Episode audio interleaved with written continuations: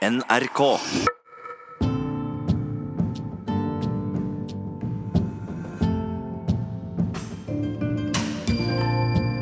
Dette er NRK P2. Tenk om eh, Tyskland hadde vunnet andre verdenskrig. Nå kan du bli med programlederne Trine Bråten og Kristina Ekelund på piknik i parken. Der ser de på hvordan historien har formet oss, og de får med seg gjester til å fabulere om hvordan Norge kunne ha sett ut om det ikke hadde blitt som det ble. Du, Jeg sitter her og leser om annen verdenskrig. Visste du at denne uka for 72 år siden så ble de tyske soldatene sendt hjem fra Norge? Ok. Skal du ha litt melon her? Ja, men hør da, Tenk om de ikke hadde reist hjem? Tenk om krigen aldri hadde tatt slutt? Tenk om vi var tyskere nå, Trine? Mm, vi hadde snakka tysk og hatt nazister i gatene, liksom. Ja, Eller tenk om krigen aldri hadde starta. Hvordan hadde samfunnet vårt vært nå da? Mm, ja, vi, vi, hadde jo helt sikkert hatt det bedre, da. Eller, eller hadde vi kanskje ikke det? Hadde vi ikke hatt dugnad og denne samholdsfølelsen? Hva med økonomien vår, egentlig? Hadde den vært den samme? Kan ikke du finne noen folk som kan tenke litt sammen med oss om det her, da? Jo, så ser jeg NRK-arkivet også. Ja, så ringer jeg pappa så lenge. Hallo. Hei, hei, det er meg. Du, jeg sitter i parken sammen med Trine, og så driver vi og lurer på masse ting her. Vi sitter og snakker om annen verdenskrig. Vi levde jo ikke når krigen var, men husker du hvordan det var da tyskerne kom? Åh, jeg var jo bare halvannet år da, så da det begynte. Så jeg husker ikke så mye. Men jeg husker at det marsjerte noen tropper på veien forbi. Og da var vi redde og glemte oss i hekken. Gjemte dere i hekken? Ja, vi krøp ned i hekken fordi vi hadde liksom lært det at det, det var litt farlig. Og så husker jeg at vi måtte blende. Vi måtte ha tette gardiner så ikke noe lys syntes utenfra på kvelden og natta. Og var det en lite lysglimt, så kom det noen og banka på døra med streng stemme og sa at dere må blende ordentlig. Ja. Men savna dere noe? Sånn mat, eller var det liksom var jo rasjoner og Ja, vi, det er klart vi savna noe, sikkert. Det var jo, Vareutvalget ble jo mindre og mindre, og man måtte ha rasjoneringskort for å få nesten alt mulig rart etter hvert. Så det var klart. Og jeg husker jo at pappa han var en av de som røykte, og tobakk var jo mangelvare. Så jeg husker han hadde noen tobakksplanter i hagen som han tørka på loftet og røykte i pipa. Og det smakte, vet jeg ikke, men han, han hadde det. Hva husker du fra 8. mai 1945? da? Ja, da husker jeg Hva husker jeg da, da? Jeg husker mamma kom med et lite norsk flagg som hun hadde funnet et som var gjemt bort. Og sa jeg skulle gå ut på veien og vinke med det. Men da kom det jo flere lastebiler med tyske soldater. De skulle jo også evakueres. Og da var jeg jo oppdratt til at da skulle jeg hjem med Heiken. Men etter hvert så skjønte vi at de var jo minst like glad som oss. De jubla jo for det hele var over. Og de kasta poser med drops og søtsaker til oss. Og det var jo fint, for det hadde vi aldri smakt før. Men du, takk. Det var kjempefint. Vi snakkes. Ha, ha det. Ha det bra. Ha det.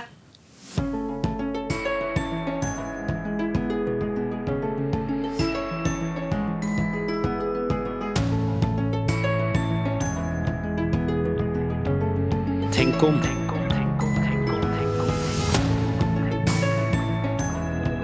Tenk om Tyskland hadde vunnet andre verdenskrig? Med Kristina Ekelund og Trine Bråten.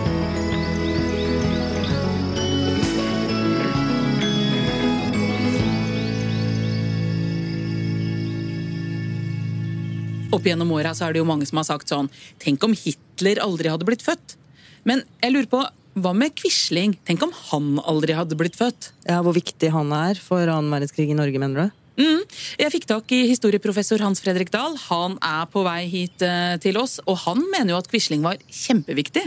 Da skal vi snakke med han, men dere, Jon Bråte, Henriette Mort og Marte Norhus, dere sitter her på teppet ved siden av oss og spiser ris eh, i sommervarmen. Men hva er det første dere ser for dere hvis dere tenker dere at vi ikke hadde hatt annen verdenskrig i det hele tatt? Finnmark hadde jo ikke blitt brent, da.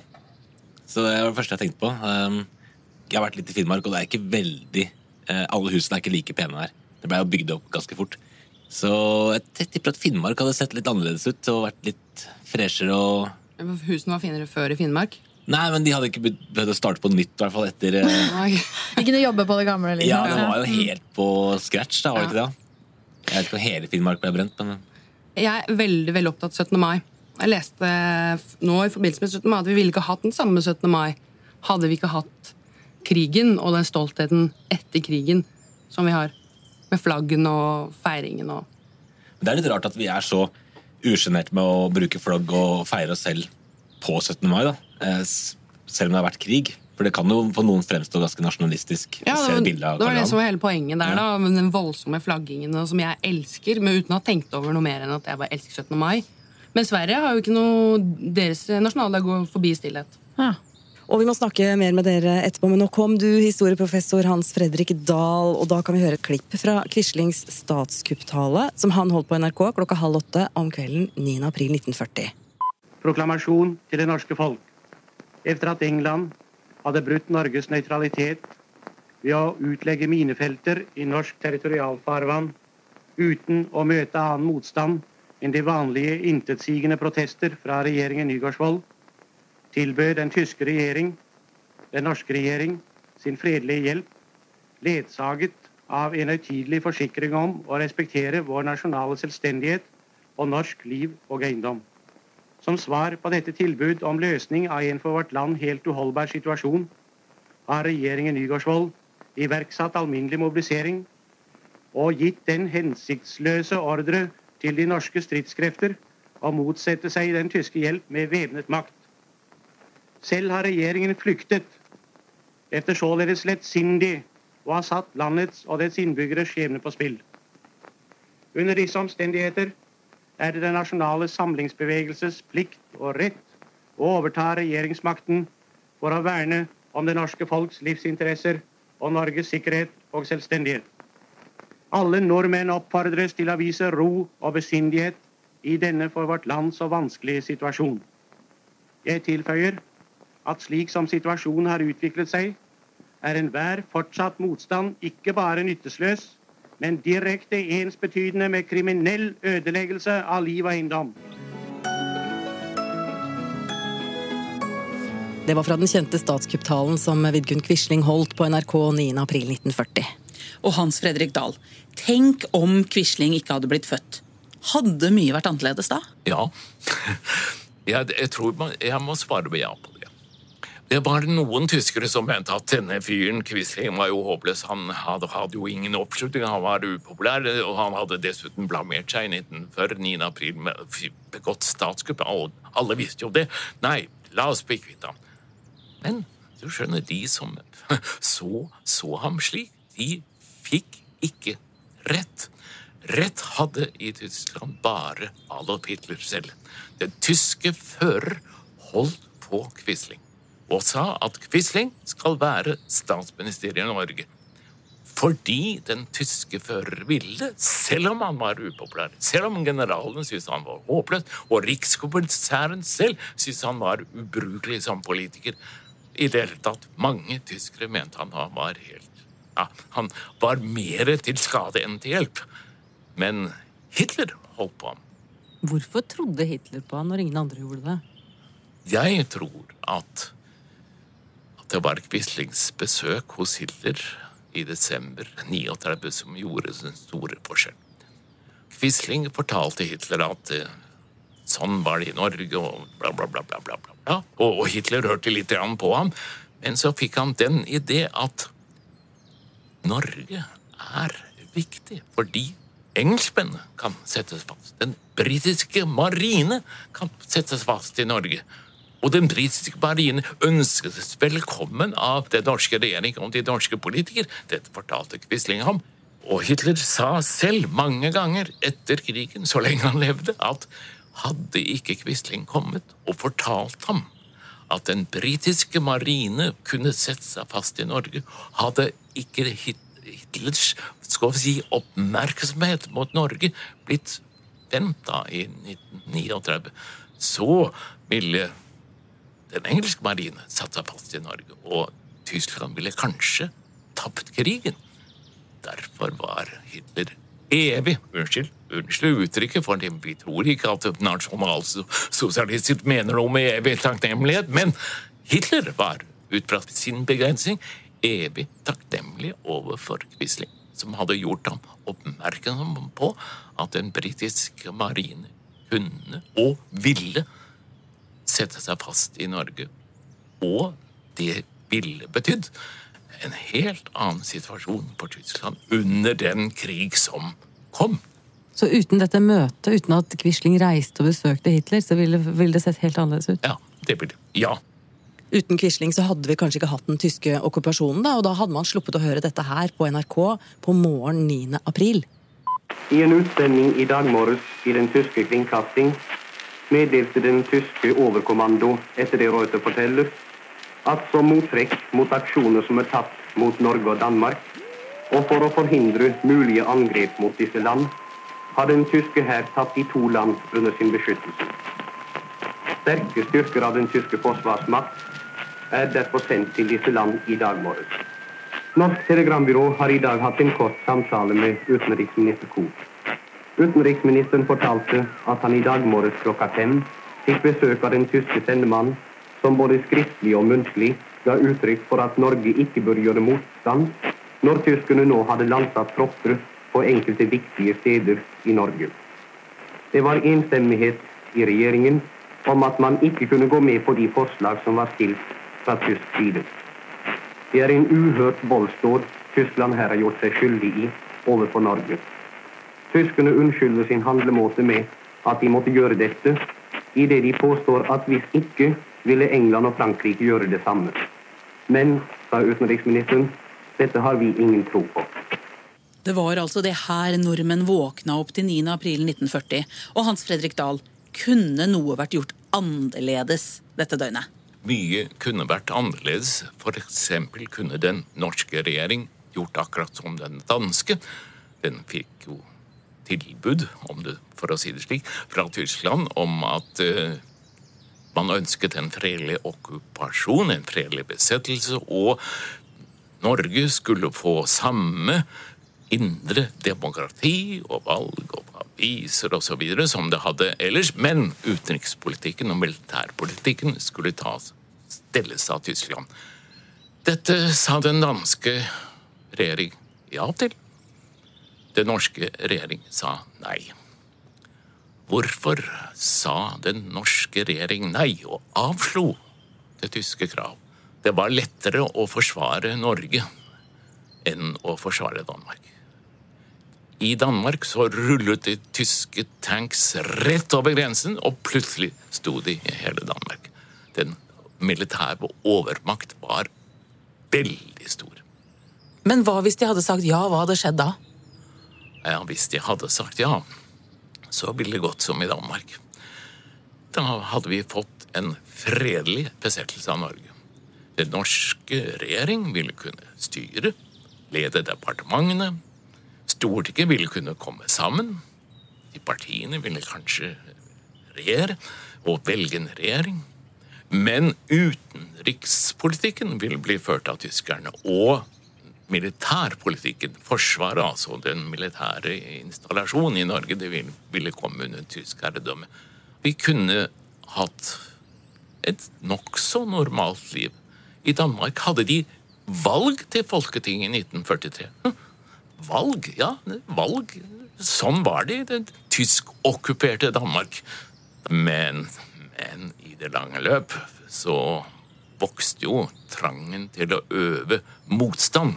Det vokste i Danmark. I august 1943 var det slutt på kanarifuglveldet i Danmark, og det ble krig istedenfor. Og det ville blitt i Norge òg, kanskje i 1942 kanskje 1943, i hvert fall i 1944. Men eh, krigen den starta jo den, i 1940, og NRK ble raskt tatt av okkupasjonsmakten, som ville ha en propagandakanal men da tyskerne skjønte at nordmenn ikke bare hørte på disse tyskervennlige programmene som ble sendt der, men derimot hørte på regjeringens radiosendinger fra London, så ble det i 1941 forbudt med radioer. Man kunne bli straffa med opptil to års tukthus hvis uh, tyskerne fant ut at du hadde radio. Men det var en del som gjemte dem unna, da, de rareste steder, og så samla folk seg i smug og hørte på. Og det var sånn som denne sendingen fra 26.4.1940 som fikk radioen til å bli forbudt. Vi skal nå kringkaste våre daglige nyheter på norsk. Et telegram er innløpet til London i kveld via Stockholm. Det var undertegnet av kong Haakon og den norske statsminister Johan Nygaardsvold. Jeg går ut fra, som en selvfølge erklærer kong Haakon, at alle norske borgere i de hærbesatte områder fremdeles regner seg som borgere av den norske stat, og altså som hørende under min og den norske regjeringsmyndighet. Under henvisning til det tyske memorandum av den 9. april understreker kongen at dette inneholdt så vidtgående krav om tysk rådighet over norske saker, og gikk dessuten ut på å nytte Norge som redskap i Tysklands krig mot vestmaktene. Så det var umulig, sier kong Haakon, for en nøytral og selvstendig stat å godta slike vilkår. Ja, Det var da nyhetene sendt fra London 26.4.1940, ti på halv ett om natta. Altså Kongen og statsministeren sa altså at det var umulig å si ja til tyskerne. Ja, vi kunne ikke bli Tysklands verktøy, var det jo han sa. Hans Fredrik Dahl, hadde vi levd med mer skam hvis vi sa ja den gangen? Å ja, uten tvil. Uten tvil. Fordi alle forsto at den militære motstand mot tyskerne 9. april 1940, eller april og mai 1940, det betydde kanskje ikke så mye militær. Vi ble selvfølgelig knust av en overveldende makt av tyskerne. Men moralsk så betydde det veldig mye at vi hadde forsøkt. Og derfor ble vi også anerkjent i utlandet, blant, både blant nøytrale land og særlig blant allierte land, og fikk jo skryt av president Roosevelt for Look to Norway, sa han. Ja, der gjør folket motstand. Men hvis man setter stoltheten og moralen til side, da? Praktisk, hva ville vært annerledes?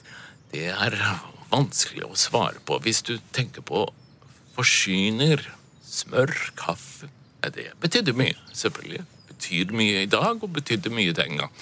De hadde melk og smør og egg og kaffe i Danmark. Og vi hadde det ikke. Hvorfor hadde vi ikke det? Var det fordi vi var okkupert og hadde en streng mann som rikskommissær over det hele og Quisling? Ja, det kan være. Det var vanskelig å forsyne Norge. Vanskeligere å forsyne Norge med, med, med sånne varer, landbruksvarer, enn en Danmark. Så vi ville nok vært preget av knapphet. Men selvfølgelig, hvis det hadde vært en norsk regjering som hadde sørget for innførsel av korn og, og, smør og den slags under verdenskrigen Hvis det hadde vært en selvstendig, eller halvt selvstendig norsk regjering Ja, vi hadde kanskje hatt et noe bedre materielt grunnlag, slik som danskene hadde.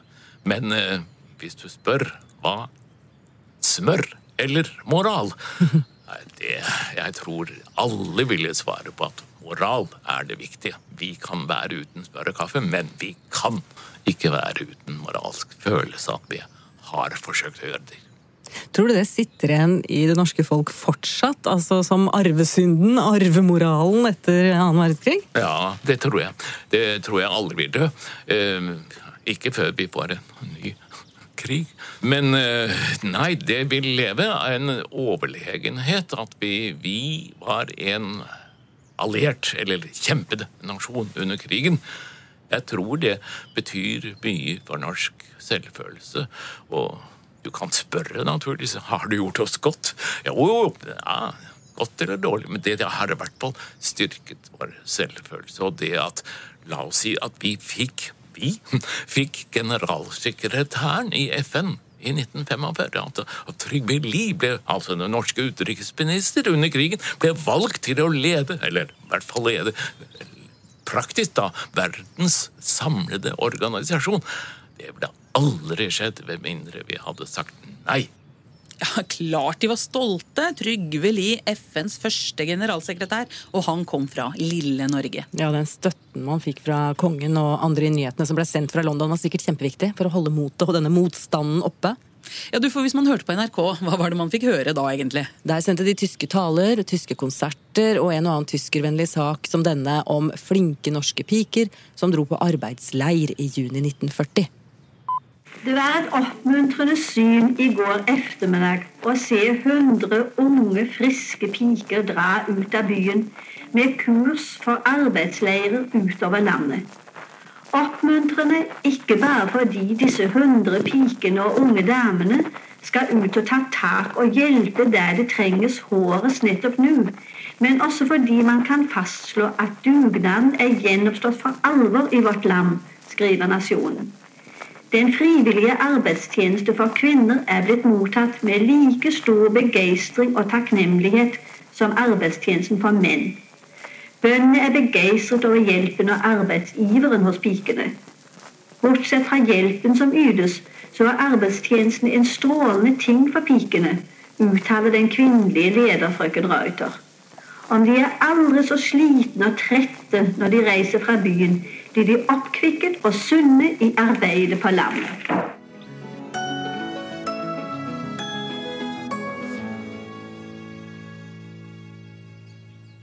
Ja, oppkvikkende å reise på arbeidsleir i 1940 for de trette pikene fra byen. Og det er vel ikke noen tvil om at det var mange som jobba mye under krigen? Ja, Hva gjorde krigen da med norsk økonomi? Hvordan var det før 1940? Var det da veldig tøffe tider i Norge? Hei, Jørgen Modalsli. Du er økonom og seniorforsker hos Statistisk sentralbyrå. Dette her har jo du forska på. 30-tallet var jo en tøff periode. Det var en økonomisk krise på slutten av 20-tallet begynnelsen av 30-tallet i hele den vestlige verden, også i Norge, som førte til ja, vanskelige økonomiske forhold, høyere arbeidsledighet, lavere lønnsvekst. Og selv om dette på en måte gikk seg delvis til utover 30-tallet, så var det fortsatt krevende økonomiske forhold da krigen kom til Norge.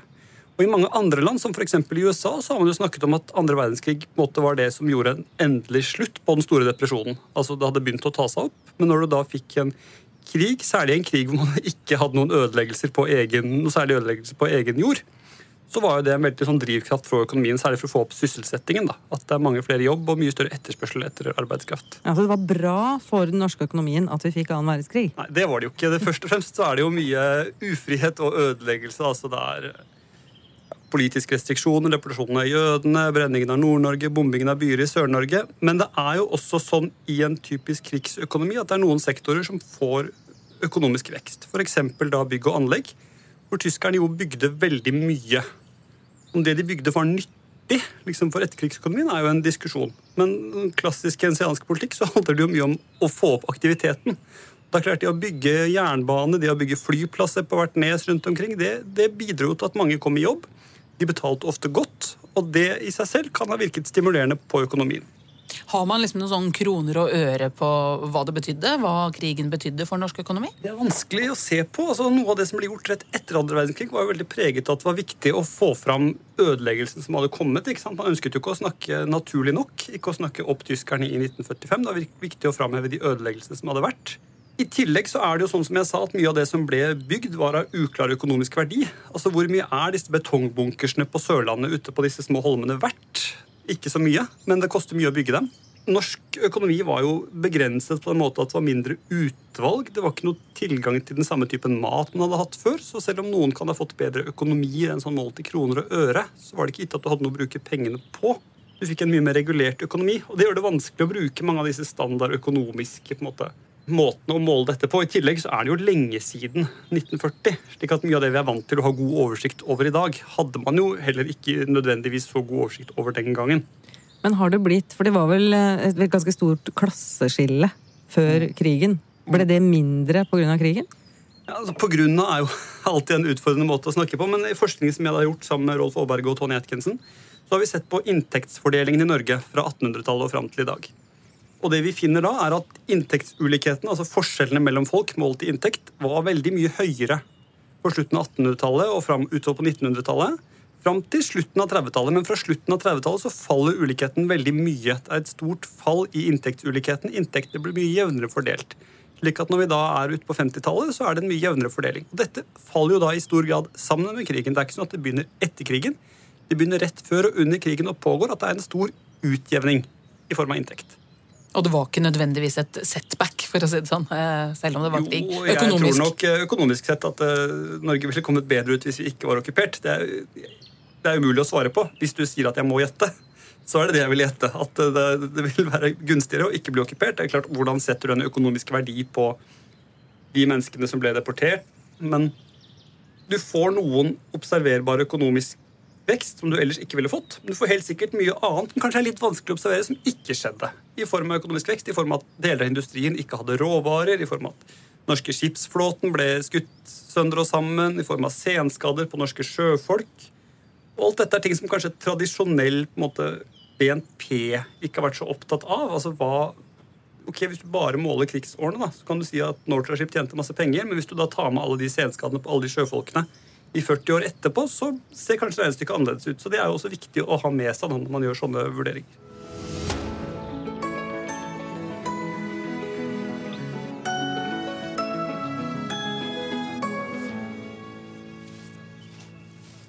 Én ting er jo økonomien, men på hvilke andre måter har egentlig krigen forma oss? Vi har jo hørt veldig mye om dette her med å bygge landet i etterkrigsåra. Ja, bygge land og dugnadsånd og alt det der. Var krigen med på å styrke samholdet? Hva tror dere, Marte, Henriette og Jon? Mange kan kanskje tenke seg litt mindre dugnad. Ikke at det er meg, men mange kan sikkert gjøre det. Men eh, det der fellesskapet og den fellesskapsfølelsen har vi vel tatt med oss helt derfra, sier de som kan det. Men det er jo vanskelig for oss kanskje å liksom forstå det, da, for ingen av oss var jo, levde jo da. Men jeg tror den der dugnadsfølelsen og den derre Nordmenn er jo veldig egentlig sånn Vi jobber sammen og gjør, tar tak i sammen. Og det nærmeste altså, vi kommer, er vel kanskje liksom etter 22. juli, det er samhold og jeg kan jo tenke at Det er liksom det som har vært med å skape den der, Nå møter vi opp søndag klokka åtte i borettslaget for å rake ved. Liksom. Det er jo en spesiell greie. Det er jo fint. Vi hører ofte gamle folk si at ja, vi har bygd landet og skal være stolte av Norge og sånn, men kanskje mange, også unge, ikke helt føler den der. For vi er det er såpass lenge siden krigen, og vi er født rike. Og jeg har aldri følt at jeg har vært med å bygge landet. Og jeg føler heller ikke så mye behov for å bidra på alle dugnader. Ja, du, okay. men, eh, Du har free get out of uh, ja, ikke sant? Men det er kanskje derfor Fordi du ikke var med å bygge landet, så trenger du heller ikke Heller ikke være på dugnad. ja, ikke sant? Mange unge er kanskje ikke så opptatt av 17. mai. Det er bare en fridag og en festdag. Det er 16. mai er blitt viktigere enn 17. mai. Og vi husker jo ikke noe av den historien. Nei, men Nå dør jo liksom besteforeldregenerasjonen ut. Det er jo de Ja. som kanskje i større grad enn lærere og i skole og sånn, forteller videre og, og kan gi et mer sånn ekte og nært eh, eller nære skildringer av hvordan det var. Så Hvis man hører besteforeldre fortelle om dette, så, blir det jo, så begynner man jo å forstå dette her, og i større grad enn man leser om det eller hører fra lærere. Og det er jo en veldig fin ting òg. Altså, sånn, mormor og morfar har jo fortalt masse gøy. Jeg husker jeg har skrevet oppgave om liksom, mormors rasjoneringskort. Og, og det er jo kjempespennende. Og det gjør jo at man kanskje har det litt nærere. Kanskje man Kanskje både dugnadsånden og alt dør ut etter hvert. Når vi liksom glemmer det og bare må lese det i en eller annen bok. Jeg vet ikke. Da må vi ta over. Jeg sitter jo og griner hvis jeg ser sånne, sånne dokumentar. Jeg griner mye, men jeg griner sånne dokumentargreier om, om det her og hvordan nordmenn sto sammen sånn. Sitter jeg og gråter, da. Det har jeg med meg. Mm, det er fint. Ja. Sosialantropologen Torgeir Kolshus er på vei hit til parken til oss. og Mens vi venter på han, så kan vi jo da høre på lederen av Nordens husmorforbund, Amalie Ødegård. I 1946 så oppfordra hun alle til å jobbe hardere enn noen gang før. Det å være husmor er et yrke, og det å være mor et kall. Derfor må alle husmødre aktiviseres og settes inn i gjenreisningsarbeidet. Den kvinnelige erfaring og innsikt, det, mo det moderlige element, må få større innflytelse i samfunnet. Fredsviljen, kristentanken, den demokratiske idé må gjennomsyre alt vårt virke, i stort og smått. Krigen lærte oss å holde sammen. Den skapte samfølelse og lærte oss å sjalte ut alt smått. Nå er det hjemmene som i første rekke skal skape den trygghet og lykke som en forpint menneskehet lengter etter. Hjemmene, familiene skal derfor ikke bare vernes og hegnes, de skal bringes til å yte mer enn før. De enkelte mennesker må oppdras til mer positiv innstilling lik å få hjem og samfunn, til større ansvarsfølelse, til større kunnskap og dyktighet som familiestifter. Og staten må hjelpe, se sine plikter her ved å føre en familievennlig befolkningspolitikk. Alle vet vi at de gode hjem er landets ryggrad. Det sa da lederen av Nordens husmorforbund, Amalie Ødegård, 10.3.1946. Ja, De gode hjem er landets ryggrad. Ja visst. Torgeir Kolshus, du er jo sosialantropolog ved Universitetet i Oslo og ved Høgskolen i Oslo og Akershus. Samhold og dugnad var veldig viktig, men hvordan har det påvirka oss? Det har påvirket oss på veldig grunnleggende vis. Samfunnet før krigen var et klassesamfunn, et parallellsamfunn i ordets rette forstand. Altså det var veldig klare klassemotsetninger. Eh, Man hadde parallelle idrettsligaer. Det var liksom, folk forholdt seg ikke til hverandre på tvers av det vi i dag tenker på som et eh, slags altså norsk kollektiv. Eh, Så krigen en, var en viktig erfaring av fellesskap på tvers. Og det la utvilsomt grunnlaget for at vi i dag alle er sosialdemokrater. Selv om vi har forskjellige sjatteringer av sosialdemokrati, så tross alt den politiske bredden i Norge er relativt snever i en sånn sammenlignende forstand. Vi er stort sett enige om det meste, og vi er enige om den veien vi skal gå. Der kan man faktisk trekke inn en klassisk sosiologisk teori fra Emil Duquet om hva religion egentlig er. To ting må være på plass. Én, en slags menighet. Og to, en erkjennelse av noe som er hellig, og noe som er ikke hellig. Men grunnen til at vi har religion, det er at vi dyrker vår egen selvforståelse. Vi dyrker vårt eget selvbilde. Og jeg har tolket det i litt annen retning, for velferdsstaten er en forlengelse av krigen, rett og slett, og den fellesskapserfaringen vi har da. Vi bryr oss med hverandres liv, og vi angår hverandre. Og da er velferdsstaten faktisk, i norsk forstand, en slags religion. Altså Vi dyrker dette fellesskapet, men uten å ta omveien om en gud eller et himmel. Vi har liksom realisert dette paradiset her på jorden. Og det ville aldri skjedd hvis ikke de klassemotsetningene som var veldig tydelige før krigen, hadde fått i hvert fall pusset av seg de skarpeste kantene. Men, men, dugnad er jo også noe vi veldig liker å smykke oss med, og det er så typisk norsk og sånn. Var det heller ikke noe som hadde stått så sterkt hvis det ikke var for krigen, tror du? Jeg tror ikke det. Rett og slett fordi at eh, det, det, var et eh, vannskille, og det var også et vannskille i en økonomisk forstand. Den norske industrialiseringen hadde strengt tatt ikke begynt. Og med de investeringene som, som, tyskerne tross alt gjorde, og den infrastrukturen som eh, okkupasjonen la grunnlag for, så kunne vi rett og slett industrialisere Norge og dermed få til den sysselsettingen som ikke i særlig grad hadde, ikke var stor nok til å, kunne, til å møte en ganske raskt økende befolkning. Og dermed også rett og slett gi, legge grunnlaget for, for det moderne Norge. Men betyr det at land burde ha noen sånne store kriser innimellom da, for å beholde liksom, samhold? og ja, altså det er, det er en annen religionsantropolog som heter Victor Turner, som har sagt at den, altså det vi trenger innimellom, er å bli minnet om dette, et spontant fellesskap som man kaller communitas. Og det fungerer som en, som en, slags korrektiv til samfunnsstrukturen slik vi kjenner den. Det er liksom Når vi ser på bussen, ikke sant? vi snakker ikke med hverandre på bussen helt til bussen punkterer. Og da er, liksom, da er det noe annet. ikke sant? Man skrur på en bryter, og så er det en annen fellesskapstilstand. Hvor lenge kan det vare, da? Altså Hvis vi sier at annen verdenskrig det er nå ganske lenge siden, vil dette samholdet og dette velferdsstaten og dette, vil det vare liksom i hundrevis av år, eller må vi ha Nei, en ny Nei, det gjør jo ikke det, ikke sant. Men det, var, det varte lenge nok til at man kunne, det, det kunne bli brukt som en startmotor. Samtidig så er jo det som Altså, dette fellesskapet er jo også et ekskluderende fellesskap. Fordi det var, selv om klassemotsetningene ble, ble, satt litt til side, så var det jo ikke slik at alle nordmenn stilte seg bak dette prosjektet. Alle nordmenn var ikke med mot okkupasjonen eller mot tyskerne eller mot NS. Det var veldig store sår som er skapt innad i familier. Min egen familie, f.eks. En, en av åtte søsken til, til min mormor var medlem av NS. Og familien der sliter fremdeles med det den dag i dag. Ja, Tyskertøsene var jo heller ikke med i det gode selskap. Eva var sammen med tyske Hans under krigen, og i 1977 så snakka NRK med henne om hvordan det var å bli kalt for tyskertøs. Det var jo forskjellige skolevenninner som ikke hilste. Det var jo ikke så uh, morsomt det akkurat, men uh, jeg kunne jo forstå det også. Eh, hvor gammel var du da du giftet deg? Jeg var 18 år. Du visste også den gangen at eh, du, selv om du kanskje ikke hørte det selv, at du ble kalt for en tyskertøs fordi du var sammen med Hans. Hvordan reagerte du på slikt? Ja, det var jo ikke noe morsomt å bli kalt for tyskertøs akkurat, men alle som kjente og som snakket med tyskerne, ble jo kalt for tyskertøs. Ja, det sa Eva. Eller hun het jo egentlig ikke det, for selv etter så mange år så turte ikke hun å stille opp i et intervju med sitt eget navn. Ja, Eva følte jo ikke at det var så sterke sanksjoner mot henne, men prest Peder Skeie ble intervjua i det samme programmet, og han mente at det var nok mye verre enn det hun sa. Jeg syns at hun eh, gir inntrykk av at eh, hennes situasjon var atskillig lettere enn eh, den egentlig var. For de unge pikene, eller eller de damene som samarbeidet med tyskerne, som altså ytet eh, fienden bistand på den spesielle måten, eh, de ble jo fra første øyeblikk uglesett.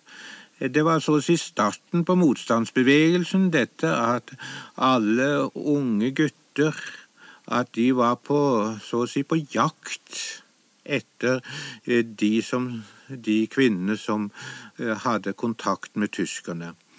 Vi husker eh, hårklippingen. Og dette med de unge kvinnene, det, det kom jo så nær inn på livet på alle sammen. Slik at når Eva syns at mm, klassevenninnen ikke ville hilse på henne, så var nå det en, en forholdsvis svak reaksjon imot den behandling som hun og mange andre fikk. Ja, Det sa Peder Skeie, som var prest, i et NRK-intervju i 1977. Reporter var Ola Jonsrud. Og Bjørn Frode Haagensen, farmoren din hun kunne ha opplevd dette vi hørte om her. For hvem hadde du vært uten annen verdenskrig? Ja, Da hadde jo ikke jeg vært til. Faren min er krigsbarn, og uh, uten krigen så har ikke han blitt lagd eller blitt født. Og uh, det fikk vi jo egentlig vite når han var voksen. Altså, han visste det ikke? Nei. Hvordan reagerte dere da?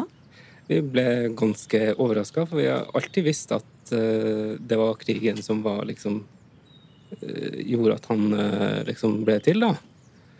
Men vi hadde jo fått en historie hos bestemor om at faren hans var polsk. En krigsfange, altså. Og så viste det seg at det var en tysk soldat. Og det, da var fatter'n rett før 50, og jeg var i slutten av 20-åra. Vi ble ganske lamslått. Hva har dere tenkt om det, da? Det som umiddelbart, umiddelbart kom, kom fram, var jo at vi begynte liksom å se litt mer på det her med krigshistorien og sånt. ikke sant? Du fikk et litt annet syn på Tyskland, og det er litt rart. Altså, Du så mer at det, tyskerne under krigen ikke bare var nazister, men uh, også det var ganske store motkrefter i Tyskland også. Og det, det var egentlig ukjent for meg da. Men Fikk dere vite dette her først etter at bestemoren din var død? da, eller? Nei, nei. Uh, hun fortalte det til, til uh, far min da, og så sa hun at jeg vil ikke at dere uh, ripper mer opp i det her etter, før etter jeg er død. Men tenk da, Hun hadde da jugd til barna sine da, i ja. så mange år. Det må ha vært fryktelig vondt for henne? Det tror jeg. jeg tror hun har prøvd å fortrenge det, for å, for å si det sånn. Fordi, men jeg tror hun gjorde det i beste hensikt. Altså, han har jo ikke opplevd det å, å bli hetsa som krigsbarn eller tyskerunge. Hvorfor ikke det, tror du? Hvorfor var det ingen naboer som sa noe, eller? Jeg tror det var sånn som det var ofte er i slekta, at det, det, her snakker vi ikke om. Ja, her virka det som uh, om familien gikk sammen for å beskytte seg sjøl, og det var sikkert viktig. For i vanskelige situasjoner så blir vi litt sånn på jakt etter fiender i gruppa, Torgeir Kolshus? Ja. Fordi det er felles front, ikke sant. Og fronter er avhengig av å være entydige. På og av svart-hvitt. Og hvis man har noe som glir på tvers, så er det noe grunnleggende suspekt det. Fedrene kjemper, mødrene gråter. De skal i hvert fall ikke ha seg med de andre. Ja, hvem er det som bestemmer, da? Hvem som er de andre? Hvem som er fienden? Nei, Det er avhengig av konteksten. Vi har nok fremstilt dette som ganske entydig i etterkant også, og det opplevdes slik når man satt med fasiten liksom 8. mai, da ble det slik. Eh, jeg tenker at hvis man hadde vært altså Da krigen startet for en, 12 år gammel jente, eksempel, og ikke hvor, så, så har man ikke noen særlige forutsetninger for nettopp å forstå kanskje dette litt sånn stor, storpolitiske bildet og den, den, moralen som ligger her, og så treffer man en, en, kjekk fyr som kanskje har noen andre historier å fortelle, og som viser interesse for deg, og så fem år etterpå det, det er jo helt, helt, klart forståelig. Og det er jo det, det, som kanskje gjør det ekstra farlig, at dette kunne vært meg. Og da viser man å, veldig tydelig at dette her kunne vært meg, men det er i hvert fall ikke meg jeg har gjort det som er forventet av meg. Og det var jo et sagt ganske tydelig av de som faktisk var mest involvert i motstandskampen, at det var ikke de som var de som klippet av håret og sendte, sendte kvinner med bar, med, som hadde barn med tyskere til Hovedøya og slikt. Men det var nettopp de som kanskje var troende til å være litt grå i kantene, som ønsket å vise veldig tydelig at vi var på den rette siden, vi. Men hvis vi snur alt på hodet en gang til, og så ser vi for oss hvordan det hadde vært hvis Tyskland hadde vunnet krigen, hvordan hadde det vært da? Ja, Da er det godt at vi har deg her, historieprofessor Hans Fredrik Dahl. Dette må du hjelpe oss å fabulere litt rundt. Men først, Jon, Marte og Henriette. Hvordan tror dere det hadde vært? Veldig så stramt. Jeg ser for meg at alt hadde vært veldig stramt. Men hadde liksom alt vært Tyskland, da? Ja, kanskje Spania hadde fått lov. Og Italia. Japan, i hvert fall. Ja, Japan. Men hadde vi liksom vært Hadde vi da ikke hatt innvandring? Altså Hadde vi liksom vært nye Hadde vi vært nazister hele gjengen, liksom? Det er helt sjukt å tenke på. det. For et jævlig Ja, Ikke noen jøder. Det har vært veldig kjedelig å være jøde og Det har vært kjedelig å være eh, Ja. muslim. Det har vært kjedelig å være eh, altså, Kjedelig å ikke være arisk. Ja. Og så spørs det litt når de hadde vunnet krigen. da Hvis de hadde vunnet helt på slutten og vi hadde allierte med og alle med, så hadde de faktisk nesten tatt over hele jorda. De tatt over USA og alt. Da. Ja, det er sant. Men hvis de hadde vunnet veldig veldig tidlig, så hadde det ikke blitt sånn. De hadde tatt Polen, kanskje. og- Men jeg føler det har vært veldig stramt. Er dere ikke enige? Jeg får Jo, sånn sånn er jo. stramhet. Ja, eh, veldig strikt og stramt alt sammen. Mye kustus, mye, mye regler. Må alltid følge liksom, timeplaner og sånn. Det ville jeg slitt med. Og istedenfor kongefamilien på do, så måtte vi hatt liksom Hitler i sånn innramma på do. Hadde vi gitt opp på et eller annet tidspunkt og bare resignert og bare erkjent at sånn må vi bare ha det? Ja, det tror jeg. Og tyskerne er jo på en måte ganske strukturerte, så vi kan si at hvis de hadde klart å, hvis de hadde fulgt planen sin så, og gjennomført, så på et eller annet tidspunkt hadde de vel tenkt sånn, ja, men da kan vi liksom lette litt på, på uh, her, og folk kan leve som normalt, da. Ja, fordi at De kriga ikke for at de ville ha det sånn som det var under krigen i Tyskland. Nei, jeg tenker jo at de bare ville Ja. ha landet. Det var en nødvendig ja. fase, og så ville de, skulle de bli så mye bedre etterpå. Ja. Eh, Så ja, Hvis man hadde vunnet krigen og det hadde bare gått mange hundre år, så ville det kanskje ikke jenka seg til etter hvert. da. Ingen vil jo leve i en politistat, Nei. egentlig. Men eh, for mange folkegrupper Vi er jo heldige som er hvite, da. Men det er nok mange som ville hatt det mye kjipere enn oss hvis tyskerne hadde vunnet. Ja. Men så ville vi hatt sånne geriljagrupper. Gutta på skauen ville jo aldri forsvunnet. De ville vært litt på skauen. Vi ville hatt sånn jihad, eh, sånne små ja, Som norsk Al Qaida med Kjakan ville vært den største lederen for geriljagruppa. Men vil vi da ha liksom forherliget de, eller ville vi tenkt sånn, nå må dere gi dere? Nå har det gått 50 år. Liksom, hvilken 100 side år. vi hadde vært på. For vi, De ville vært, sikkert vært terrorister i dag. da Gutta på skauen. De slemme. Tror du det? Tror du vi ville sett på de som slemme? Tyskerne ville sett på eh, oss da hvis vi, hvis vi hadde blitt tyske. Men våre, våre besteforeldre ville vel liksom fortsatt De ville jo da vært Ja, ja. Terroristenes side. mm. Og fortalte oss sånne historier om hvordan Norge en gang var. Og Ja, men ville blitt så masse familier, ville vært store splittelser i familien. da. Ikke sikkert man hadde sånt selskap ikke sant, hvor det var anledning til å fortelle om dette. Besteforeldre er terrorister, vi er liksom disse vanlige. Det er jo en sånn kimete konflikt i familien. Da ville det vært sånn veldig strenge blant terroristene. da Eller så Gutta på skauen ville vært sånn eh, forbudt med lederåsen. da Eller svinekjøtt ville vært Ja. Strengt forbudt. da Du måtte liksom virkelig markere avstand fra det sittende regimet. For det hadde vært et regime, ser du for deg? Det må jo bli det tyske regimet. Ja. Så vi har hatt en, en ri- rikskansler eller hva det heter. sånn Sjef for alle. Hvis eh, Tyskland hadde vunnet krigen, så hadde man ikke hørt det vi skal høre nå, fra 9. mai 1945. Vi skal høre fra Bergen. Bergen er våknet etter vinternatten. Solen skinner i lysegrønne lier. Flagg veier overalt. Ingen flaggstang står tom. Flaggdekorasjoner og nasjonale symboler. Alle har søkt å gi sin glede og sin lettelse synlig uttrykk. Folk selv har pyntet seg til fest, og de nasjonale farver preger dagen. Små og store på benene. Barna er grepet og viser sin glede i små improviserte barnetog med tromming og sang. I går kveld rev folk ned blendingsgardinene og begynte å lage rene sankthansbål rundt på gatehjørnene.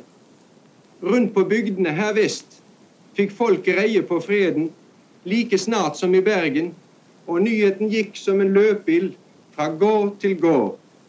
Det var en strålende ettermiddag i går. Og rundt langs fjordene og opp i dalene og ut i de ytterste skjær fløy flaggene til værs.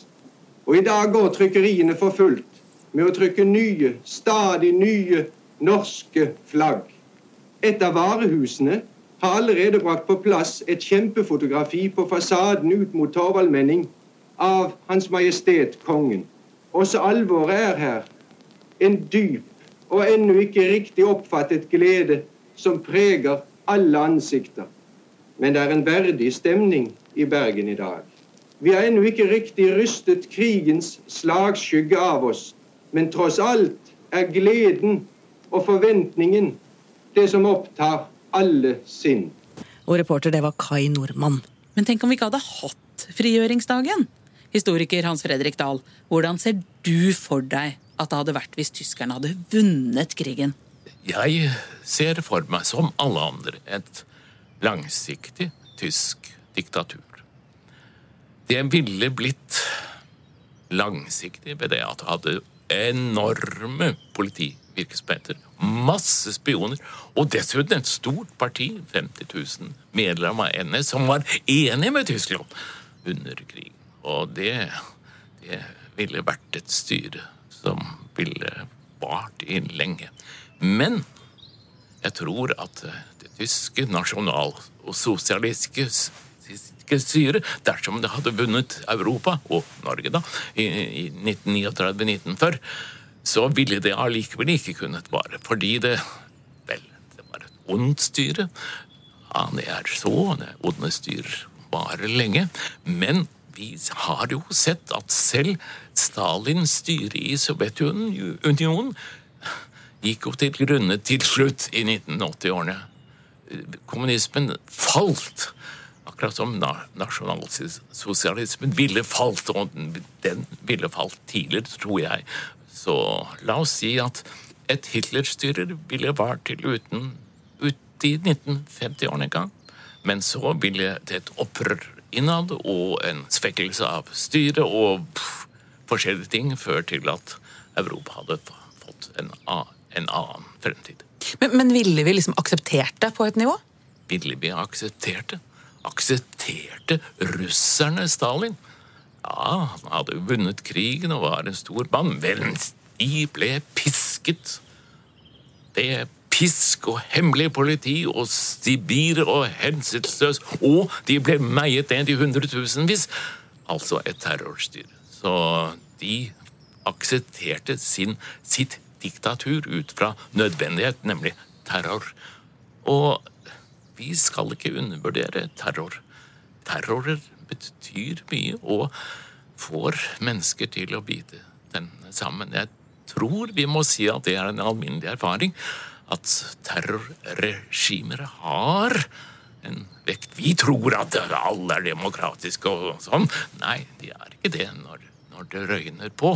Men i det lange løp ville også et nasjonalsosialistisk Europa bukket under, tror jeg. Det hadde ikke gått fordi det var for mange spenninger innad i Hitlers styre. Og det behøver jeg ikke komme inn på, men mange historikere har pekt på at ja, det varte noen år.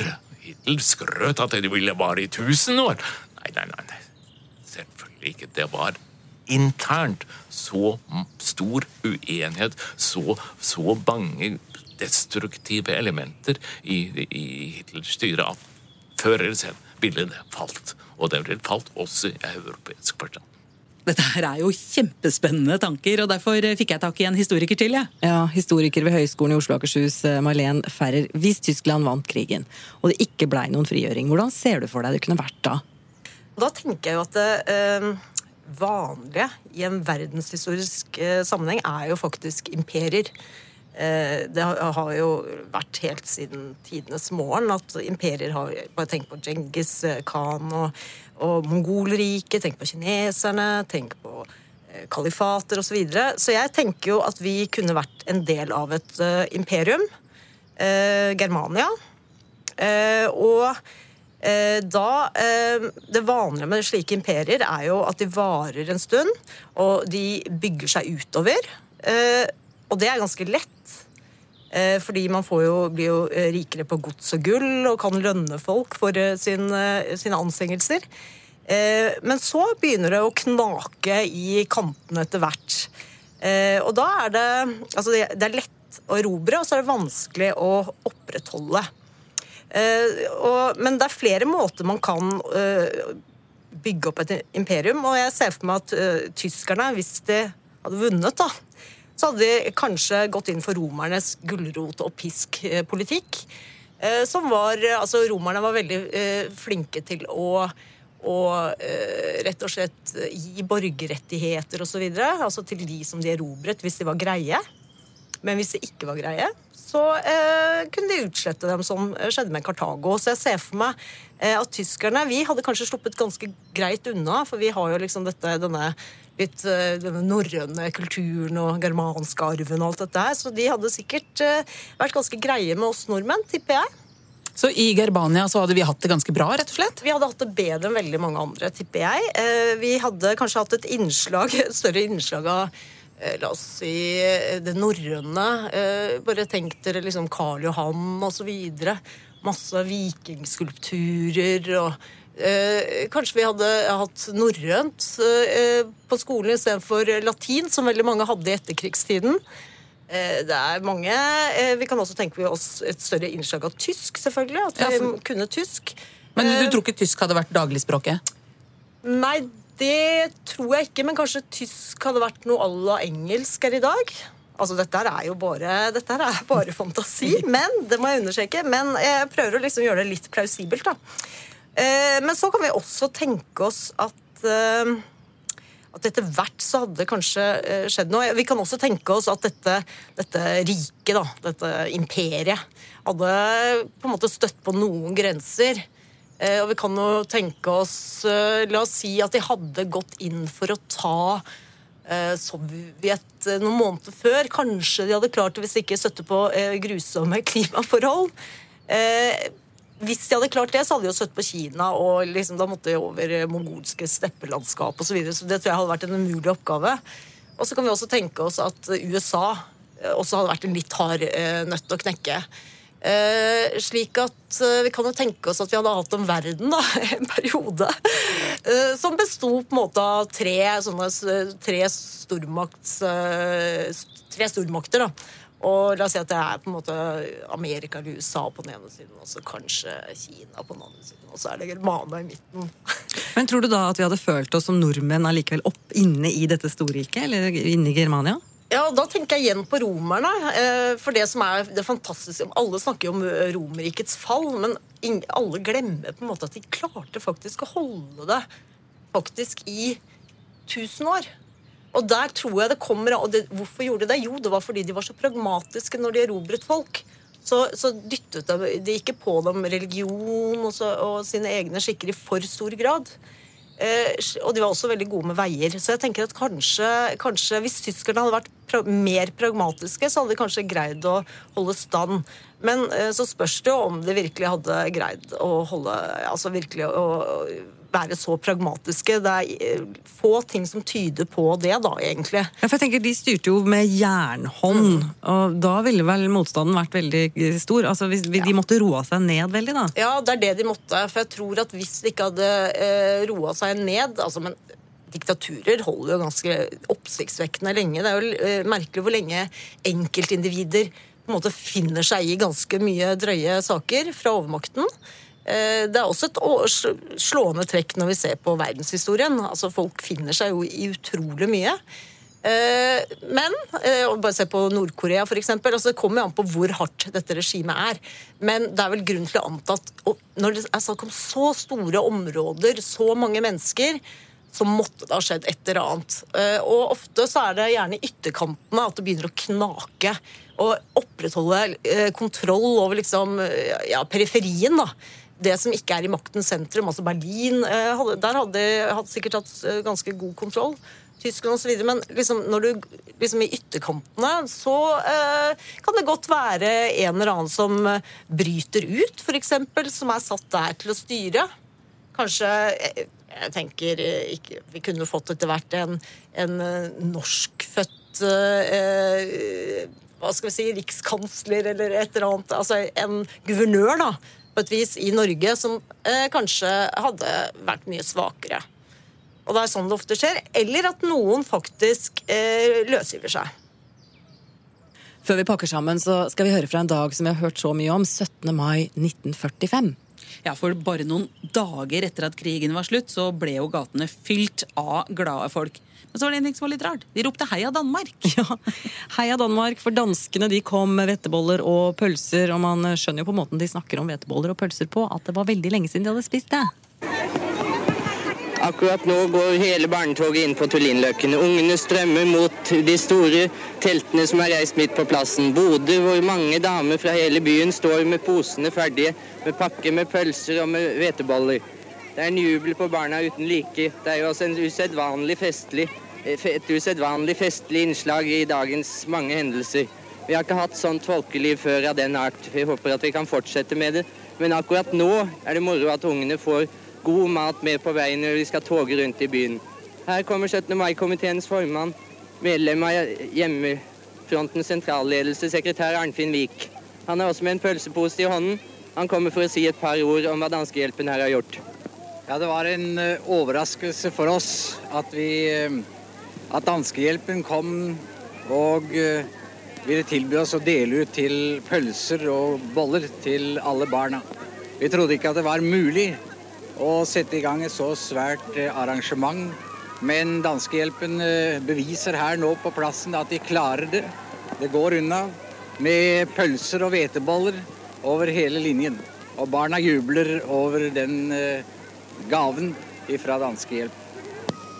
Det strømmer ustanselig inn med barna her. Hele plassen er full av unger som gnasker på boller og spiser pølser. Orkestrene toger inn og spiller idet de kommer inn på plassen. Og alt er fryd og glede selv om det regner. Grinifanger, kvinnelige grinifanger deler ut uh, pølser fra bodene, og de er svinaktig flinke til å få det unna. Alt er virkelig fest og glede og bare moro. Alle ungene er aldeles henrykt og vifter med flaggene og spiser pølser, spiser pølser og gnasker på boller. Heia Danmark, heia Danmark, heia Danmark, heia Danmark, heia Danmark, heia Danmark.